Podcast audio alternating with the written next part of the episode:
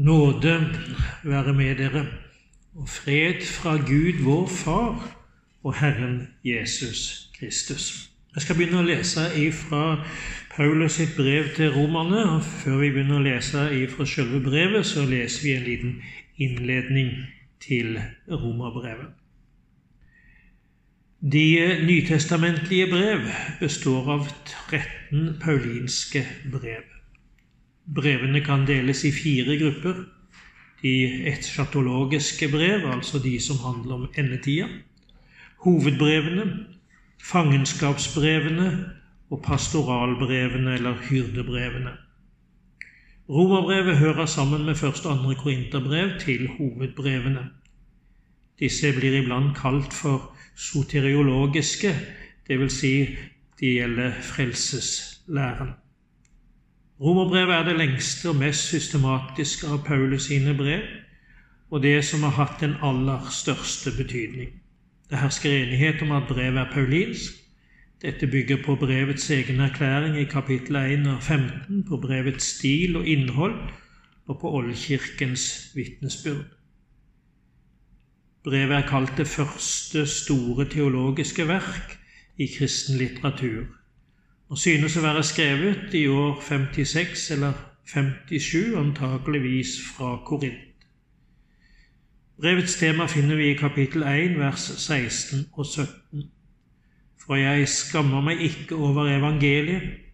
Det er en Guds kraft til frelse for hver den som tror, jøde først, og så greker. For i det åpenbares Guds rettferdighet av tro til tro, slik det står skrevet, den rettferdige skal leve ved tro. Hvem er så Paulus? Kildene til vår kjennskap til Paulus er først og fremst hans brev, som tidlig begynte å sirkulere i menigheten og i løpet av det andre århundret var utbredt, lest og anerkjent over hele kristenheten. En annen viktig kilde er apostelgjerningene, som særlig gir kjennskap til de ytre begivenheter i apostelens liv og virke.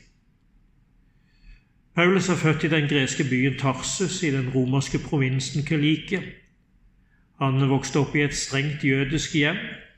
Faren var trolig velstående i og med at Paulus ble født til romersk borgerrett. I 15-årsalderen ble han sendt til Jerusalem, til rabbinerskolen, og der satt han ved Gamaliels føtter. Han ble en nidkjær fariseer som forfulgte de kristne. På vei til Damaskus for å føre de kristne i lenker til Jerusalem fikk han selv et møte med Jesus som førte til en radikal omvendelse. Kristusforfølgeren ble Kristi trell. De kristne i Jerusalem fryktet naturlig nok den forhenværende forfølgeren, men Barabas Barabbas kom han til hjelp. Gjennom sine misjonsreiser besøkte Paulus en rekke av de jødiske samfunn og menigheter i Lille Asia. Omkring år 59-60 dro han til Jerusalem.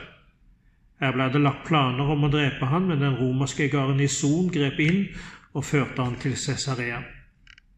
Derfor ble han etter hvert sendt til Rom og satt der i mild varetektsarrest. Han eh, ble løslatt etter en tid, regner vi med, og dro da trolig til, på en misjonsreise til Spania og deretter på en visitas østover. Mellom år 64 til 67 kom han igjen tilbake til Rom, der han igjen ble tatt til fange og nå satt i hardt fengsel under keiser Neros kristendomsforfølgelse etter bybrannen. Det var trolig under dette fengselsoppholdet at han skrev det brevet som var blitt kalt hans svanesang og testament, det andre Timotius brev. Etter ni måneders fangenskap led han martyrdøden ved halshogging.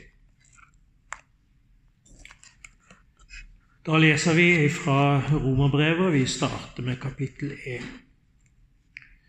Paulus, Kristi Jesu tjener, hilser dere, jeg som er kalt til apostel og utvalgt til å forkynne Guds evangelium, det som Gud på forhånd har gitt løfte om gjennom sine profeter i hellige skrifter. Det er evangeliet om Hans Sønn Jesus Kristus, vår Herre, som er kommet som menneske av Davids ett. ved hellighetsånd stadfestet som Guds mektige sønn ved oppstandelsen fra de døde.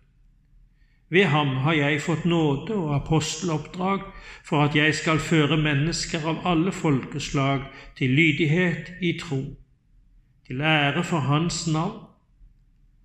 Blant dem er også dere som er kalt til å høre Jesus Kristus til.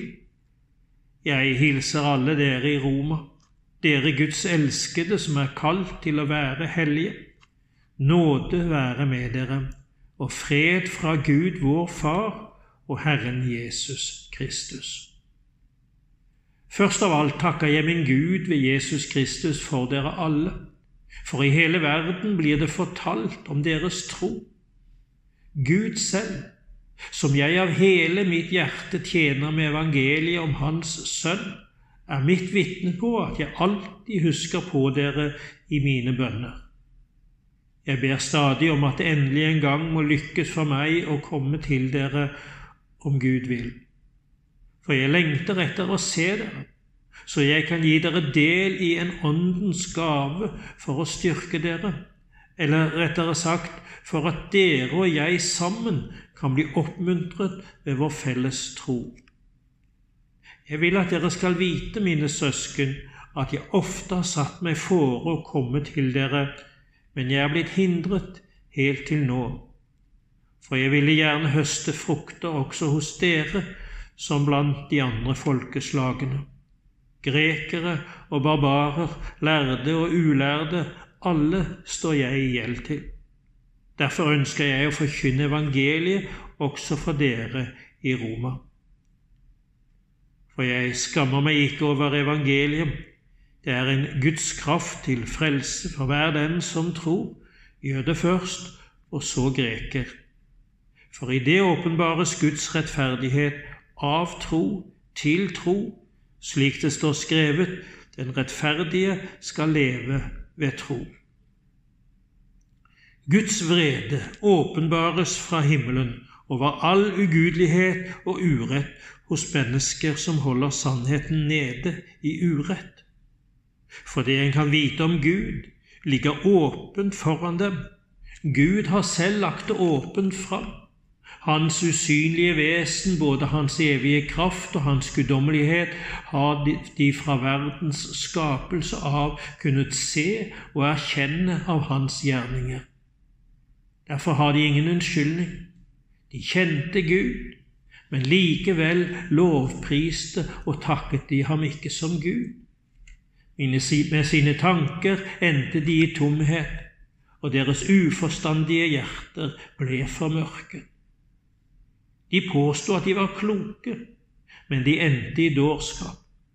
De byttet ut den forgjengelige Guds herlighet med bilde av forgjengelige mennesker, fugler, firbente dyr og krypdyr. De fulgte sitt eget hjertes lyster. Derfor overga Gud dem til urenhet, slik at de vanærer kroppen sin med hverandre. De byttet ut Guds sannhet med løgn og tilba og dyrket det skapte i stedet for Skaperen, Han som er velsignet i evighet. Amen. Derfor overga Gud dem til skammelige lidenskaper. Kvinnene deres byttet ut det naturlige samliv med det unaturlige. På samme måte sluttet mennene å ha naturlig samliv med kvinner og brant i begjær etter hverandre. Menn drev utukt med menn og de måtte selv ta straffen for sin villfarelse. De brydde seg ikke om å kjenne Gud. Derfor overga Gud dem til en sviktende dømmekraft, så de gjør slikt som ikke sømmer seg. De er fulle av all slags urett, umoral, grådighet og ondskap, fulle av misunnelse, mordlyst, strid, svik og falskhet. De farer med sladder og baktalelse, hater Gud, bruker vold, er overmodige og brautende. De pønsker ut ondskap og er ulydige mot foreldrene. De er uforstandige, upålitelige, ukjærlige og ubarmhjertige. De vet hva Guds lov sier, at de som gjør slikt, fortjener å dø. Men ikke bare gjør de det, selv, de roser også andre som gjør det. Derfor har du ingen unnskyldning, du menneske som dømmer, hvem du enn er. For når du dømmer en annen, fordømmer du deg selv. Du som dømmer, gjør jo det samme selv. Og vi vet at Guds dom med rette rammer dem som driver med slikt. Men når du, menneske, dømmer dem som gjør slikt, og selv gjør det samme, mener du da at du skal slippe unna Guds dom? Eller forakter du Hans uendelig store godhet, overbærenhet og tålmodighet? Skjønner du ikke at Guds godhet driver deg til omvendelse? Med ditt harde hjerte som ikke vil vende om, hoper du opp vrede over deg til vredens dag, når Gud åpenbarer sin rettferdige dom. Han skal lønne hver og en etter det han har gjort. De som tålmodig gjør det gode og søker herlighet, ære og forgjengelighet, får evig liv. Men de som i selvgodhet er ulydige mot sannheten og lar seg lede av uretten, har vrede og harme i vente. Nød og angst skal komme over hvert menneske som gjør det onde, jøde først og så greker. Men herlighet, ære og fred skal den få som gjør det gode, jøde først og så greker. For Gud gjør ikke forskjell på folk. Alle som syndet uten loven, skal gå fortapt uten loven.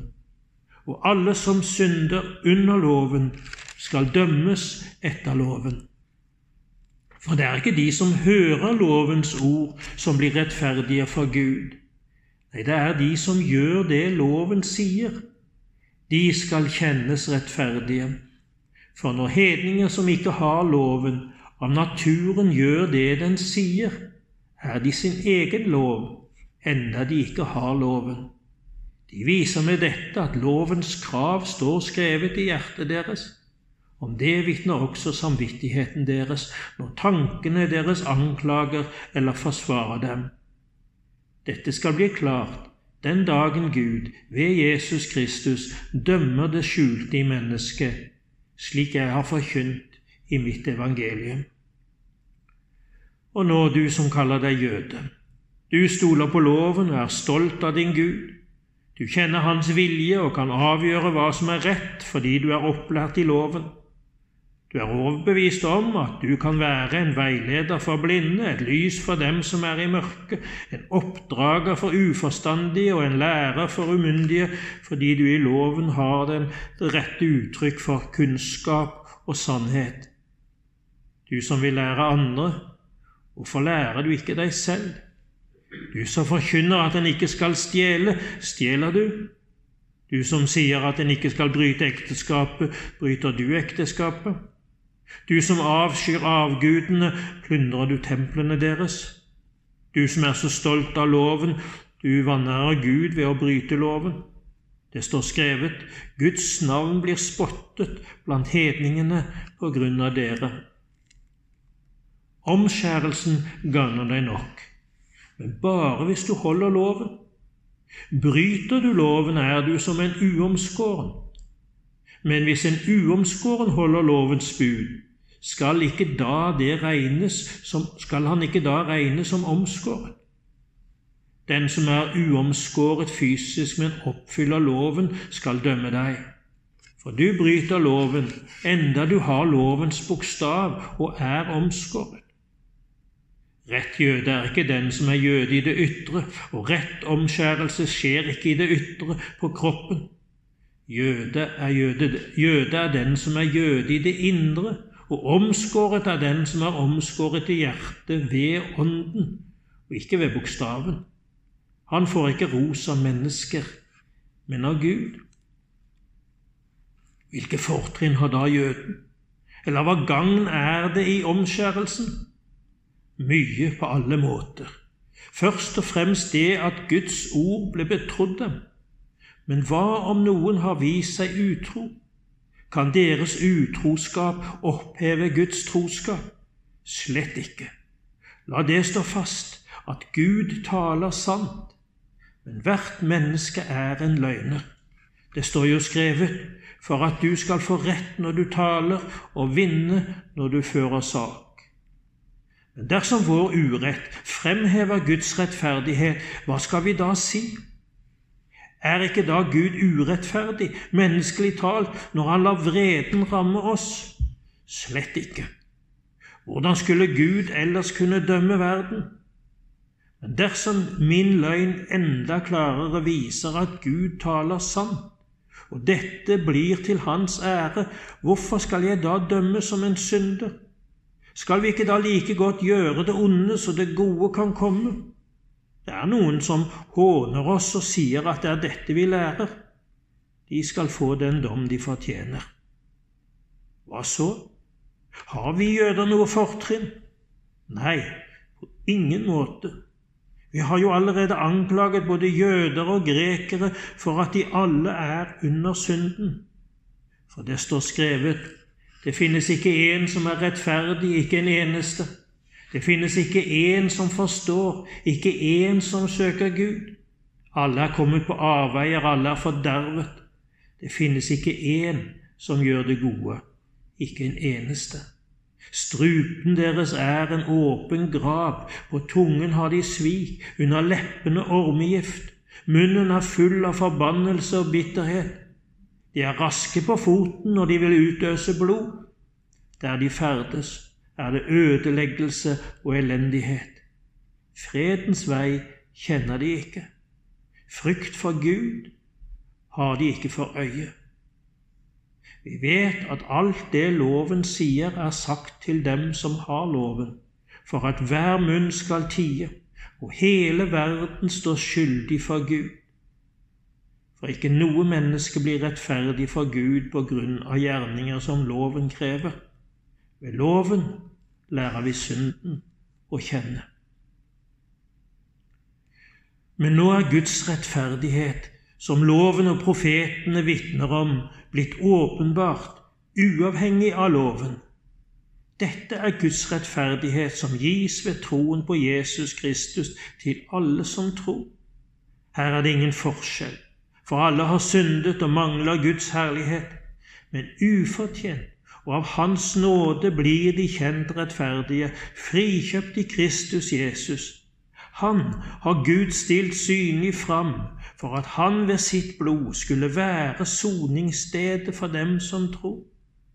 Slik viste Gud sin rettferdighet, for han hadde tidligere i tålmodighet holdt tilbake straffen for de synder som var begått. Men i vår tid ville han vise sin rettferdighet, både at han selv er rettferdig, og at han kjenner den rettferdig som tror på Jesus. Hva har vi da å være stolte av? Ingenting. Hvilken lov sier det? Gjerningenes lov? Nei, troens lov. For vi hevder at mennesket blir rettferdig ved tro, uten lovgjerninger.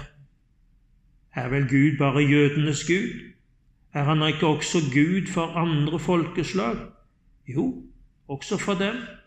For Gud er én han som rettferdiggjør omskårne av tro og uomskårne ved samme tro. Opphever vi da loven ved troen? Slett ikke. Vi stadfester loven. Hva skal vi da si om Abraham, vår jordiske stamfar? Hva oppnådde han? Dersom han ble rettferdig ved sine gjerninger, da hadde han jo noe å være stolt av. Men overfor Gud har han ikke det. For hva sier Skriften? Abraham trodde Gud, og derfor regnet Gud han som rettferdig. Den som har gjerninger å vise til, får lønn etter fortjeneste, ikke av nåde. Men den som ikke har det, men som tror på Han som rettferdiggjør den ugudelige, blir regnet som rettferdig fordi han tror. Slik priser også David et menneske Salig når Gud regner det som rettferdig uten at det har gjerninger. Salig er de som har fått sine lovbrudd tilgitt og sine synder skjult. Salig er det menneske som Herren ikke tilregner synd. Gjelder så denne saligprisningen bare de omskårne, eller også de uomskårne? Vi sa at Abraham ble regnet som rettferdig fordi han trodde.